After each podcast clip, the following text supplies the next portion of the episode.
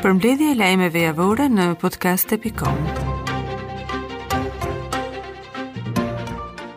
Qeveria ka bërë gati projekt buxhetin për vitin 2023, të cilin pritet ta prezantojë në javët në vijim. Ndërsa parashikimi për rritjen ekonomike gjatë vitit të ardhshëm është ulur, deklarata vjen nga Ministrja e Ekonomisë Delina Ibrahimaj gjatë një prononcimi për mediat, ku njoftoi vendimet e këshillit të ministrave. Gjatë vitit 2023, parashikojmë që ekonomia shqiptare të ketë një rritje prej 2.6% në terma realë dhe 5.7% në terma nominalë. Parashikojmë që inflacioni të fillojë të ngadalësohet duke arritur në një nivel mesatar në 3.6%. Përmes buxhetit do vijojmë të kemi një konsolidim fiskal. Si nga të ardhurat dhe shpenzimet, projekt buxheti reflekton këto parametra makroekonomikë. Kemi disa skenarë, këto parametra parashikojnë një recension teknik të vendeve të Bashkimit Evropian dhe kjo është arsyeja pse ne kemi ulur parashikimin për vitin 2023 nga mbi 3% në 2.6 tha ndër të tjera ministrja e ekonomisë Delina Ibrahimaj.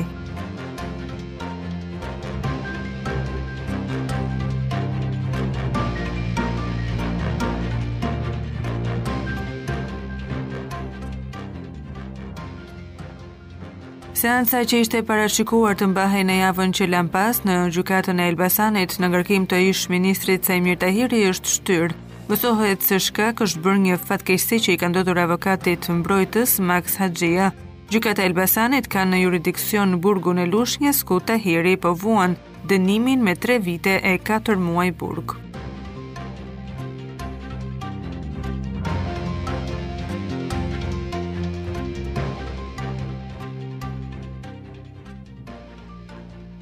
Gjykata e posaçme e apelit për korrupsion dhe krim të organizuar gjeti fajtore ish gjyqtaren Enkelejda Hoxha për veprën penale korrupsion pasiv i gjyqtarëve, prokurorëve dhe funksionarëve të tjerë të drejtësisë. kryer në bashkëpunim dhe dënimin e saj me 3 vite burgim. Por për shkak të aplikimit të gjykimit të shkurtuar me një të tretën e dënimit ish gjyqtarja do të vuajë 2 vite. Dënimi llogaritet nga data 11 shkurt 2020, pra ish gjyqtares i kanë mbetur vetëm 5 muaj burg.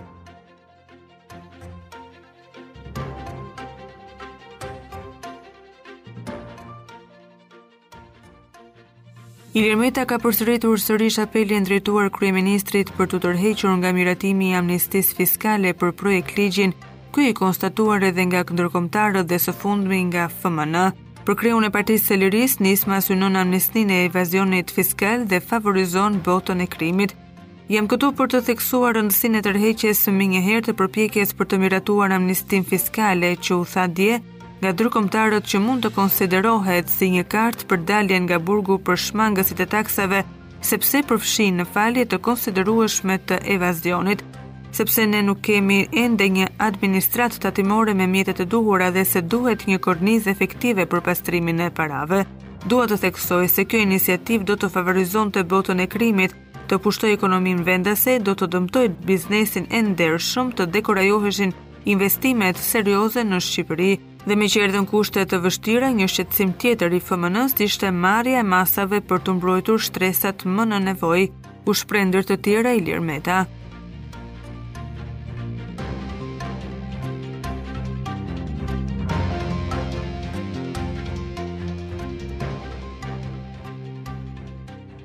Shtatë vite pasi u zhduk në rrethana të paqarta, policia ka zbardhur vrasjen e 16 vjeçarit Martin Gjonaj, pavarësisht insistimit të familjarëve dhe institucioneve për të kuptuar se çfarë ndodhi me të miturin e zhdukur Më datë 19 maj të vitit 2015 dhe sorollatjeve të hetimeve në Lezhë dhe në prokurorinë e krimeve të rënda, hetimet u pezulluan pas dy vitesh, pasi nuk ishte bërë i mundur identifikimi i autorit të kësaj ngjarje. Dritë jeshile hetimit i dhanë disa gjetje të eshtrave në datë 3 prill në fshatin Adriatik në afërsi të hidrovorit të Fushë-Kuqes në Kurbin. Pas ekspertimit biologjik, rezultoi se i përkisnin 16 vjeçarit të humbur 7 vjet më parë. Pas rifillimit të hetimeve nga prokuroria e Kurbinit dhe marrja e dëshmive, ballafaqimeve si dhe analizës së tabulateve dhe qelizave telefonike kanë bërë të mundur identifikimin e autorit të ngjarjes. Ai është 30 vjeçari Kristian Cenaj nga Mamurrasi, i cili u vu në pranga gjatë të hënës nga policia. Dyshohet se më datë 18 maj të vitit 2015, Kristian Cenaj ka dhunuar për vdekje 16 vjeçarin për t'i vjedhur atij orën dhe varësen e floririt që mbante me vete ditën kur ndodhi ngjarja.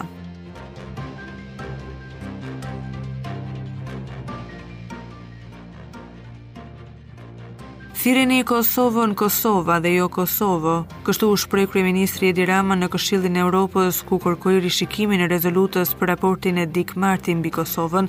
Rama tha se nuk ka asnjë paralele mes Kosovës dhe Krimesë, ndërsa kërkoi nga Këshilli i Evropës të mos i braktisë shtetet e vogla në mënyrë që siç u shpreh ai, të mos kërcënohen shtetet e mëdha. Shtetet e vogla nuk duhen braktisur që shtetet e mëdha të mos kërcënohen nga rezultati i shumatores së mbledhur rreth tyre. Nëse kemi mësuar diçka, është se demokracia është një proces në ndërtim dhe jo një ndërtesë e përfunduar. Fjala e kryeministrit Edi Rama ka ngjallur shumë debate, disa e përkrahin dhe disa jo.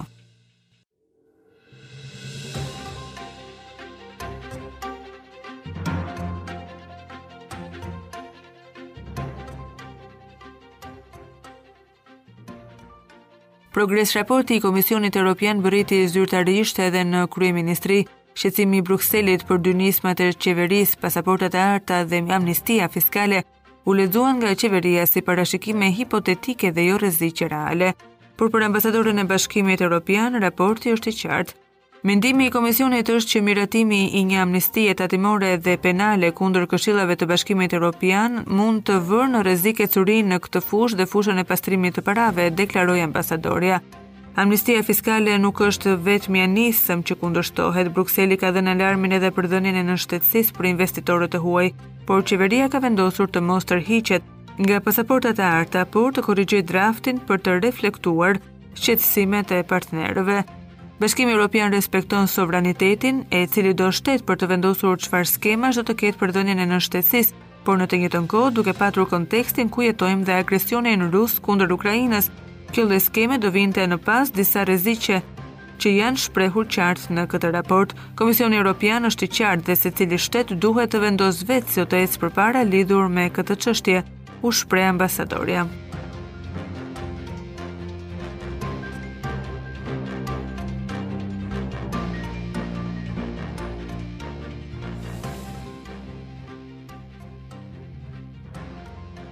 Ngacmimet dhe shantazhet e vazhdueshme në Instagram që dy të rinjtë Kenado Shira 17 vjeç dhe Renato Hasula po 17 vjeç djem tezesh që kanë bërë kundrejt vajzës së Fiqiri Mjeshtrit kanë shkaktuar një tragjedi në Klos me tre viktima dhe dy të plagosur.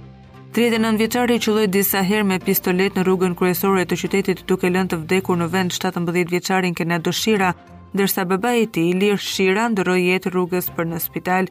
Autori Fiqiri Mjeshtri u gjet i vetëvrarë në shtëpinë e tij në fshatin Dars. Në këtë masakër mbetën të plagosur babë e bir, Eglantin dhe Renato Hasula. Burimet thanë se konflikti mes dy familjeve, Mjeshtri dhe Shira, kishte nisur për shkak se dy të rinjtë kishin ngacmuar vajzën e autorit Fiqiri Mjeshtri. Në dëshminë e saj para hetuesve, vajza e autorit është shprehur se ajo shantazhohej nga dy kushërinjtë në Instagram dhe se kishte disa ditë që nuk shkonte në shkollë. Kjo gjendje e së bijës është vënë re nga autori Fiqeri Mjeshtri, i cili e ka pyetur dhe ajo i ka treguar arsyen. Pas kësaj 39 vjeçari bashkë me vëllezërit e tij ka kërkuar të sqarohet me dy të miturit. Tre vëllezërit Mjeshtri, dy anëtarët e familjes Shqira dhe dy të familjes Asula ishin ulur në një kafe për t'u sqaruar, duket se biseda ka degraduar në sharje dhe fyerje, Ata kanë dalë jashtë kafes ku 39 vjeçari ka nxjerr pistoletën duke shkaktuar dy viktima, dy të plagosur. Ai u largua nga vendngjarja dhe 100 metra larg banesës së tij u gjeti vetëvrarë.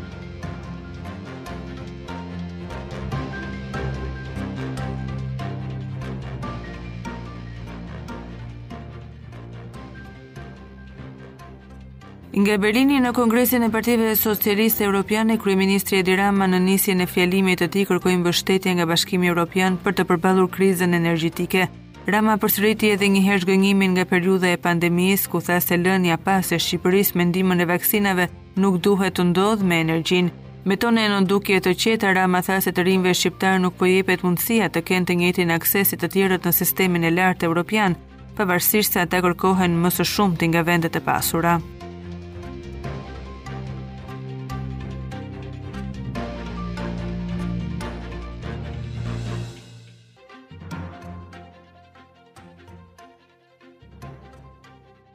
Në prag të nisjes së vitit të ri akademik, Ministria e Arsimit i është drejtuar me një mesazh pedagogëve që kanë paralajmëruar bojkot në rast se nuk merren parasysh kërkesat e tyre për rritje page, duke marrë shkas nga protestat e tyre të vazhdueshme Kushi tha se në vend të konfrontimit, zgjidhja më e mirë është ulja në bisedime konstruktive duke mirëkuptuar kushtet reale dhe burimet që janë në dispozicion.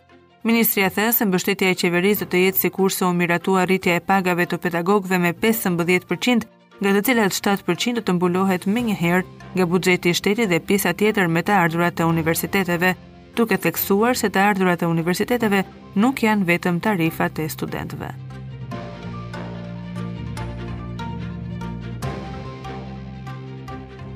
Ndoqët përmbledhjen e lajmeve javore në podcast.com.